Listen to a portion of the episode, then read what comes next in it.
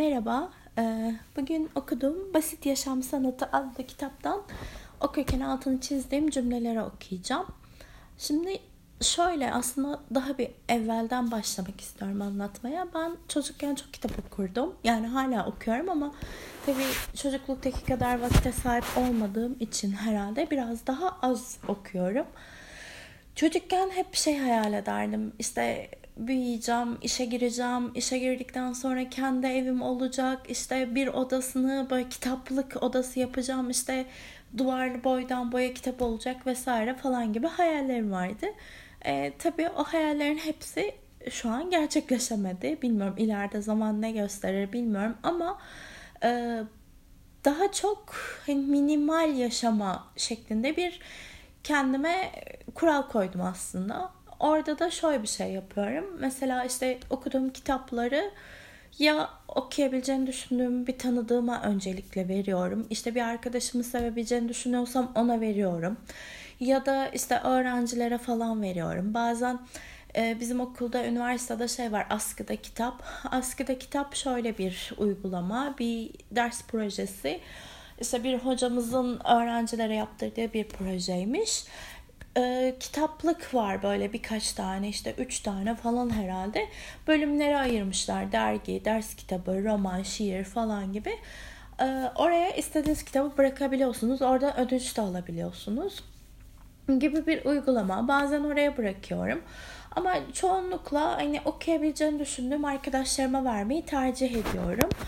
Yani bazen hani dönemsel olarak satmaya çalıştığım zamanlar da oldu. Bazen hani satabildiklerimi satıyorum. Onlardan gelenleri de genelde hani hayvan severler kulübüne falan vermeye çalışıyorum. Ya da işte hayvanlar için bir şey yapmaya çalışıyorum. Çünkü hani bu zaten benim kendime ayırdığım bir bütçeydi. Yani kitap okumak için ayırdığım belli bir bütçem var. Ve hani oradan bana gelecek bir hani katkı olarak düşünmüyorum dönüş yapan parayı. Dolayısıyla böyle bir uygulama yaptım kendimce.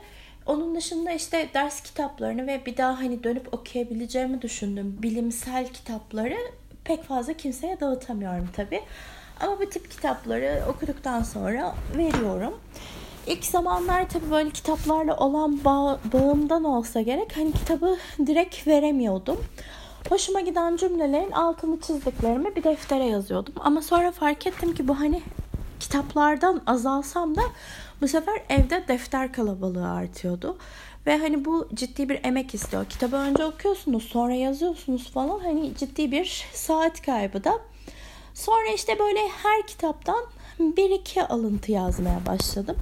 Ama bu da bana yine yetmemeye başladı. Yani kitaptan ayrılırken bir kendimi eksik hissediyordum. Çünkü ben çocukluğumdan beri okuduğum kitapta hoşuma giden cümlelerin altını çizip yanlarına renkli post-it takan ve sonra işte o cümlelere baka baka bir deftere geçiren bir çocukluk geçirdim. Yani çocukluk bile demeyeyim hatta yani üniversite hayatım boyunca bile böyleydim ki hani ben ciddi bir kitap okur yanı olarak hani çok fazla deftere sahiptim ve aynı şekilde kitap. Yani düşünün bir alıntı hoşunuza gidiyor. Hem yanına post-it yapıştırıyorsunuz hem deftere yazıyorsunuz ve bu gerçekten zamandan çok fazla alan bir şey. Hani sonra şeyi fark ettim. Evet deftere yazıyorum ama bu bana ne katıyor? Hani dönüp deftere bakıyor muyum? Hayır, hiç bakmadım. Dolayısıyla işte yurttan falan taşınırken o defterlerin hepsi çöpe gitti. Ama orada şöyle bir katkısı oldu. Şimdi bir şeyi baka baka aynı cümleleri yazmak da kesinlikle beni çok geliştirdi. Çünkü hani cümle kurmam, işte konuşmam, diksiyonum vesaire her türlü şeyime katkısı olduğunu düşünüyorum. Yani hani tamamen gereksiz bir olay olduğunu düşünmüyorum ama o zaman onu gerektiriyordu. Şu an hani benim kısıtlı bir zamanım var. Hani her şeye yetişmeye çalışıyorum. Hani bir yandan ekstradan bir de kendime böyle bir yük çıkarmak istemiyorum. Dolayısıyla hani her kitaptan bir iki tane cümleyi seçip onları not ediyordum. Ama şimdi işte sesli okumanın daha güzel olabileceğini düşündüğüm için böyle bir uygulamaya geçmek istedim. Bu ilk defa deneyimim olacak. Eğer hani böyle devam edebilirsem okuduğum her kitaptan bazı alıntıları sesli bir şekilde kaydetmiş olacağım. Hem belki kendi sesimi tekrar dinleyebilirim. Hani okumaktansa işte bir defteri karıştırmaktansa belki dinlemek bana da daha iyi gelebilir. Hem başkalarıyla da paylaşmış olurum. Bilmiyorum öyle bir deneyeceğim bakalım. Şimdi öncelikle altını çizdiğim bir yerden başlıyorum okumaya. Hayatın karmaşasından ne kadar ay okuyamadım. Hayatın karmaşasından ne kadar yakınsak da dünyayı değiştirmek kolay iş değildir. Eğer dünya sizin istediğiniz yönde gitmiyorsa belki de kendinizi değiştirmek daha iyidir. Ardından hangi dünya ile karşılaşırsanız karşılaşın rahatlıkla ve kolayca o dünyada hareket edebilirsiniz. Sıra dışı anları aramak için yolunuzu değiştirmek yerine gündelik hayatınızda hafif bir değişiklik yaparak daha kaygısız bir yaşam sürebilseydiniz ne derdiniz? Alışkanlıklarınızda ufak tefek değişiklikler bakış açınızda küçük bir kayma. Tabi böyle hani bölük pörçük olmasın diye okuduğum bu kısımdan sonra başka bir kısma geçiyorum. Hani bütünlüklü olsun diye hani bunu da belirtmek istedim. Ee, bu kitap şöyle gidiyor. Hani birden kaça kadar e, bayağı uzun. Yüze kadar ve hani her öncelikle konuyla ilgili bir başlık ve başlığın altına küçük bir cümle. Yanında da deneme gibi ufak ufak yazılar. Hani biraz böyle basit yaşamak, sade yaşamakla alakalı güzel bir kitap ama yani hani nasıl desem ömürlük saklayacağımı düşünmüyorum. Ama tabii hani bu herkesten herkese değişebilir.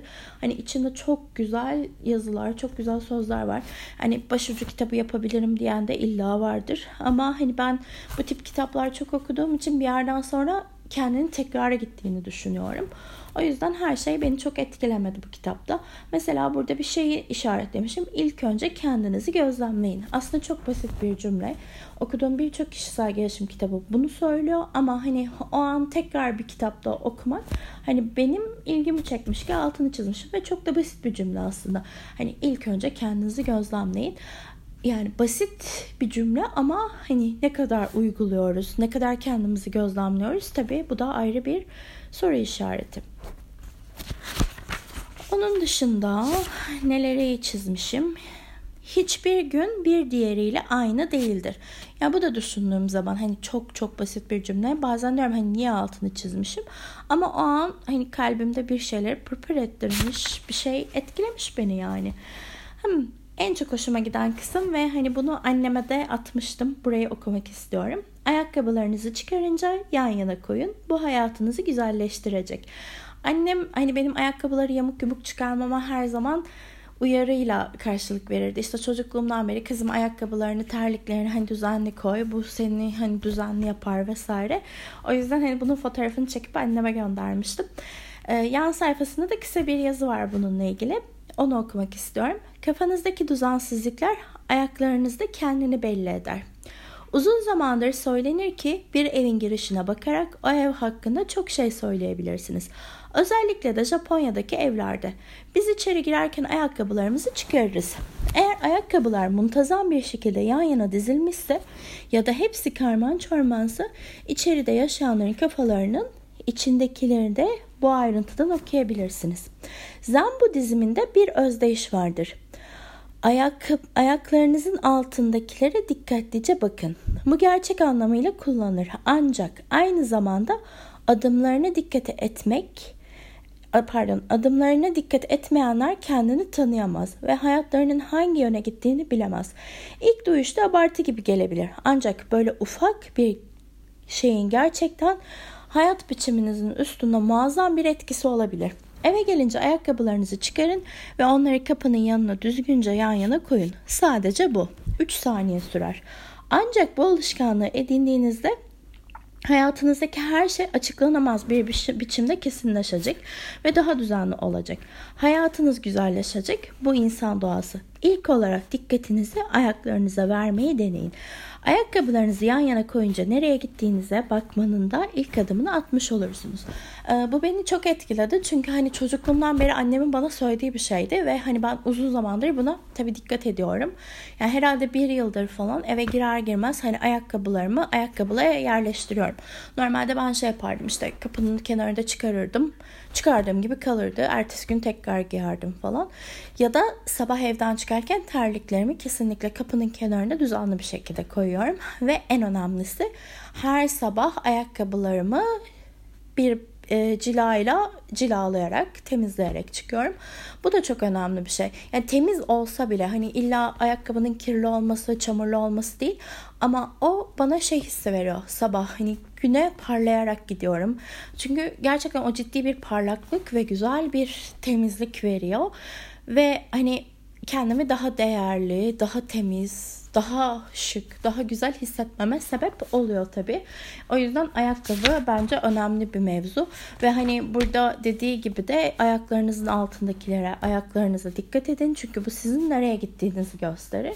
Ve hani ben buna da inanıyorum. Ve diyor ki mesela kafanızdaki düzensizlik ayaklarınızda kendi belli eder.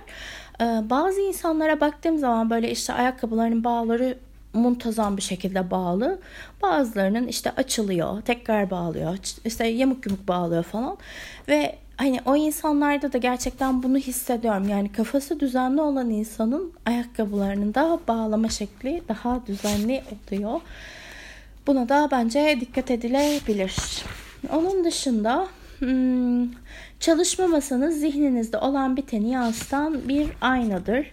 Yani bu da hani hayat düzeniyle alakalı. Ben eskiden çok çok çocukluğumda hani annem ve babam eğitimimle çok çok ilgilenirlerdi.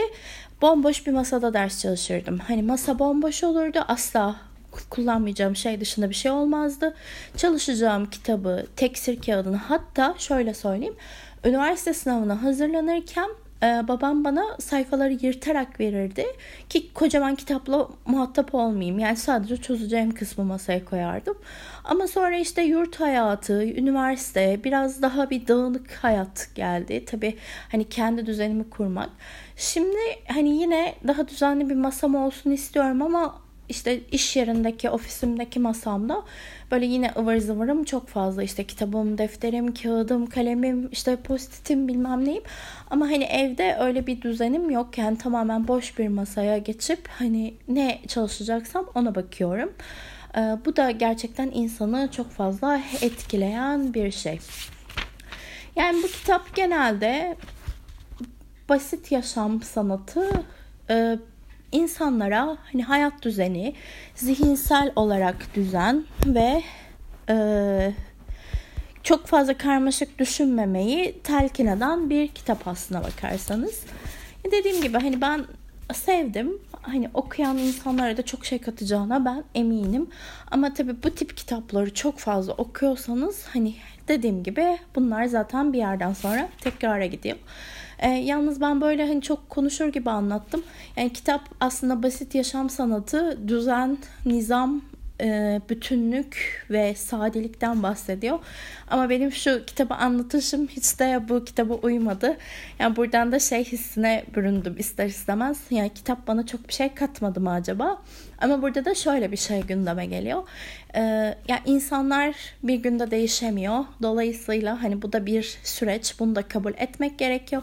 Ben mesela şu an bunu anlatırken belki çok karışık karmaşık anlattım ama yani bu belki zamanla düzelebilir. Yani düzelmeyebilir bilemiyorum tabi. Ama şu an için hani böyle konuşarak anlatmak benim hoşuma gitti. Yani umarım zamanla biraz daha e, düzenli bir şekilde konuşmalar ben de yapabilirim. E, tekrar kitaba dönecek olursak eşyalarınızı azaltın diyor. Bu da Kafka'nın dediği gibi az eşya, az insan, çok huzur. Genel olarak bu tip şeylerden bahsediyor. Odanızı, evinizi sade bir şekilde düzenleyin diyor. Nefes alışverişinizi iyi yapın, zihniniz de gelişsin diyor. Bu zaten bilimsel bir temele dayanıyor. Hani vücudumuza giren oksijen, vücudumuzun içine giren oksijen ne kadar iyi ve e, ne derler fazla olursa vücudumuzda daha iyi çalışacaktır kontrolünüzde olmayan şeyleri dert etmekle vakit kaybetmeyin. Bu kitapta en çok sevdiğim şey buydu. Çünkü ben kontrolümde olmayan şeyleri dert etmekle çok vakit kaybeden bir insanım. Ve bunu hani kocaman harflerle defterime de yazdım ama Uyguluyor musun derseniz henüz değil ama inanıyorum bir gün bunu da uygulayacağım. Bu tip şeylerde yani ne kadar bunu kendinize telkin ederseniz edin, öğrenirseniz öğrenin. Hani ben bunu yapacağım deseniz de ben şuna inanıyorum. Bu tip şeyler biraz da yaş ile gelişen şeyler. Şimdi atıyorum 18 yaşında bir arkadaşıma ben bunu söylesem yani belki çok etkilenmeyebilir ama benim yaşımdaki bir insan için hani zaten belki bunu yapıyor olduğu bir süreçte de olabilir.